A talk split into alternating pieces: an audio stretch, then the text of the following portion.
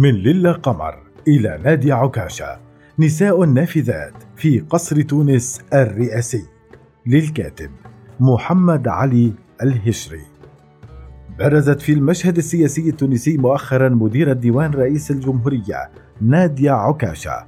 أوصاف كثيرة أطلقت عليها.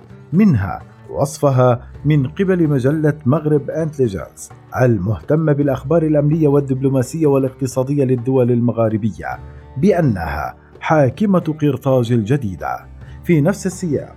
وصفتها المحامية والمعلقة السياسية سنية الدهماني بحاكمة قرطاج الجديدة وبصوت الرئيس قيس سعيد وظله في كل تحركاته ولقاءاته حتى مع كبار قادة الجيش والأمن مضيفة أن ثمة جسر وحيد للوصول إلى الرئيس الجمهورية قيس سعيد هو الجسر الخاص بالباب الذي فتحته نادية عكاشة ذاكرة تسجيل مسرب منسوب لها تحرض فيه على سفير تونس السابق. في الأمم المتحدة قيس القبطي أمام صمت مطبق لرئيس الجمهورية. ووقائع أخرى تظهر نفوذها منها رفضها المثول أمام القضاء ثلاث مرات. هذا البروز يعيد إلى أذهان نماذج نسائية برزت قبل قرون والحديث عن مكانة المرأة المميزة في السياسة والحرب والعلم والعمل الإنساني والأهلي في بعض محطات تاريخ تونس القديم. كما يعيد إلى الأذهان قصص سيدات وصفن بأنهن كن حاكمات فعليات من وراء الستار. صعود نادية عكاشة. صعدت عكاشة إلى الأضواء بشكل لافت منذ تعيينها في منصب مديرة ديوان رئيس الجمهورية واستقالة كل المسؤولين الذين كانوا مقربين من الرئيس التونسي قيس سعيد. ما فتح لها المجال لتكون الشخص الثاني في القصر بل وصارت ظل الرئيس وترافقه في زيارته الداخلية والخارجية. يشير المحلل السياسي بولبابا سالم إلى أن عكاشة مؤثرة في الحياة السياسية في تونس بحكم مكانتها في القصر إضافة إلى كونها محل ثقة رئيس الجمهورية قيس سعيد ويضيف لرصيف 22 تكثر الأقاويل حول تأثيرها في الرئيس وهنالك أصداء كثيرة تتحدث عن تدخلها في الاختيارات والتعيينات لافتا إلى أن ذلك قد تكون فيه مبالغة. ويعتبر سالم أنه من الواضح أن عكاشة تتدخل في بعض الخيارات والقرارات وتسرب بعض المعطيات إلى بعض المقربين من القصر من الإعلاميين ومحللين لكن لا أعتقد أن شخصية الرئيس قيس سعيد تسمح لها بأخذ قرارات استراتيجية. قبل فترة وجيزة أثار حضور عكاشة اجتماعا جمع سعيد بسفراء الاتحاد الأوروبي في الثالث والعشرون من شباط فبراير جدلا واسعا لأن العرف السياسي في تونس دأب على عدم ظهور مدير الديوان بهذا الشكل وعدم مشاركته في اجتماعات من هذا النوع سواء قبل الثورة أو بعدها. وعن ذلك يقول سالم إنه يحدث لأول مرة في تاريخ رئاسة الجمهورية في تونس. للا قمر البيع النساء المؤثرات في القصر الرئاسي في تونس أو قصر البيات في باردو قبل إعلان الجمهورية التونسية عام 1957 كثيرات أشهرهن للا قمر البية المرأة التي تزوجت من ثلاثة بيات وقامت بتربية أكثر البيات شهرة في تونس محمد المنصف باي. يروي الباحث في تاريخ تونس المعاصر علي دنقير لرصيف 22 أن للا قمر كانت جارية عثمانية. أرسلها السلطان عبد الحميد الثاني مع أخريات كهدية لملك تونس محمد الصادق باي وكانت تبلغ من العمر حينها 12 سنة. وبعد سنتين من دخولها حرملك البيات. تزوجها الملك الحسيني سنة 1871 وكان يكبرها بقرابة الخمسين عاما رغم أن محمد صادق باي معروف بميوله المثلية.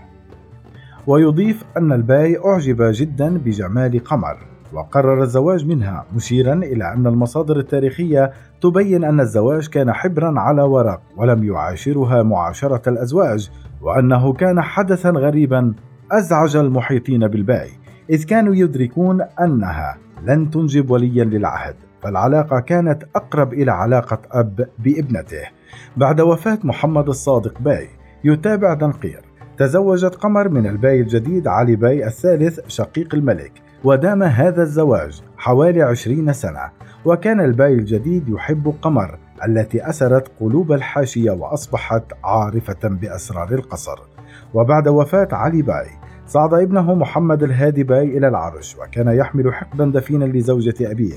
فعزلها في غرفة منفردة لمدة أربع سنوات حتى توفي سنة 1906 ويضيف دنقير أن قمر البية تزوجت بعد ذلك من الباي الجديد محمد الناصر باي ليكون زوجها الثالث وعرفت خلالها فترة حكمه عصرها الذهبي وأوج قوتها وسيطرتها على القصر حتى وفاته سنة 1922 إذ ترك لها الباي إدارة شؤونه وتربية أبنائه. ويشير دنقير إلى أن فترة سيطرة للا قمر البية عن القصر كانت هادئة وتميزت بالاستقرار لافتا إلى أن التاريخ لم يذكر أن امرأة تزوجت من ثلاثة ملوك. من جانبه يوضح المؤرخ خالد عبيد لرصيف 22 أن زواج ليلا قمر البية بثلاثة بيات وسيطرتها على الحكم في بعض فترات تاريخ تونس يرجع إلى قوة شخصيتها وقدرتها على التأثير والإقناع مشيرا إلى أن البيات خلال فترة الاستعمار لم يكن لهم تأثير كبير في مجريات الأمور السياسية بل كان دورهم شرفيا. ويلفت إلى أن الباي كان موظفا عند السلطات الاستعمارية يقتصر تأثيره داخل أسرته فقط أما فيما يخص الحكم فلم يكن له أي دور سوى التوقيع على المراسيم والقوانين فقط. مضيفا أن محمد المنصف باي عندما تجرأ على سلطات الاستعمار ورغب في تغيير ما تفرضه فرنسا عزل من منصبه. ويفيد عبيد بأن نفوذ قمر لم يأتي من جمالها فقط بل من شخصيتها الجذابة وقدرتها على حل بعض المشكلات المستعصية وبعض الخلافات داخل العائلة.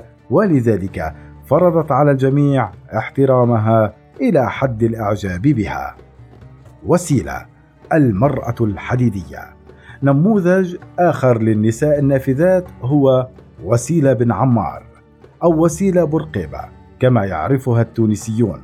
تزوجت من الرئيس الأسبق الحبيب برقيبة عام 1962 وبقيت لسنوات الآمرة والناهية في القصر تعين وزراء وتعفيهم. وكانت تعتبر المرأة الحديدية. ساهمت في الإطاحة بالرجل القوي في النظام حين ذاك أحمد بن صالح الذي تقلد خمس وزارات في آن واحد. يروي عبيد أن وسيلة بورقيبة كانت تتدخل في الحياة السياسية وفي شؤون الدولة خاصة خلال الفترات الأخيرة من عهد الحبيب بورقيبة عندما أصبح ظلا على حد تعبيره. ويضيف أنه عندما ضعف بورقيبة ولم يعد الرئيس القوي الذي يهابه الجميع ولم تعد له القدرة على أن يهتم بتسيير شؤون الدولة وجدت وسيلة فراغا واستغلت ذلك لتحول التأثير مبينا أن هنالك فرقا كبيرا بين وسيلة زوجة بورقيبة وبين ليلى الطرابلسي زوجة بن علي. فبرأيه وسيلة بورقيبة كانت تدافع عن القضايا الإنسانية وكانت لها مواقف مبدئية بقطع النظر عن تدخلها في شؤون الحكم والدسائس من هنا وهنالك.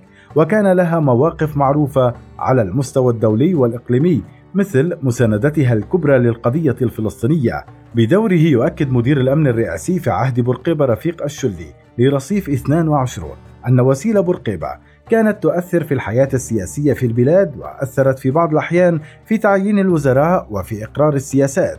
موضحا أن تدخلها كان في الأغلب من أجل المصلحة الوطنية ويشير الشلي إلى أنها كانت تتدخل في أمور الحكم بطريقة إيجابية في العموم وكانت تعلم زوجها ببعض الأمور التي لا يعلمها أو بمغالطات يقدمها له بعض المسؤولين خاصة فيما يتعلق بتجربة التعاضد الذي خاضتها تونس في ستينيات القرن الماضي وانتهت بالفشل عام 1969 وكان لها اثرا كبيرا في التراجع عنها خاصة بعد تردي الأوضاع في عدد من الجهات.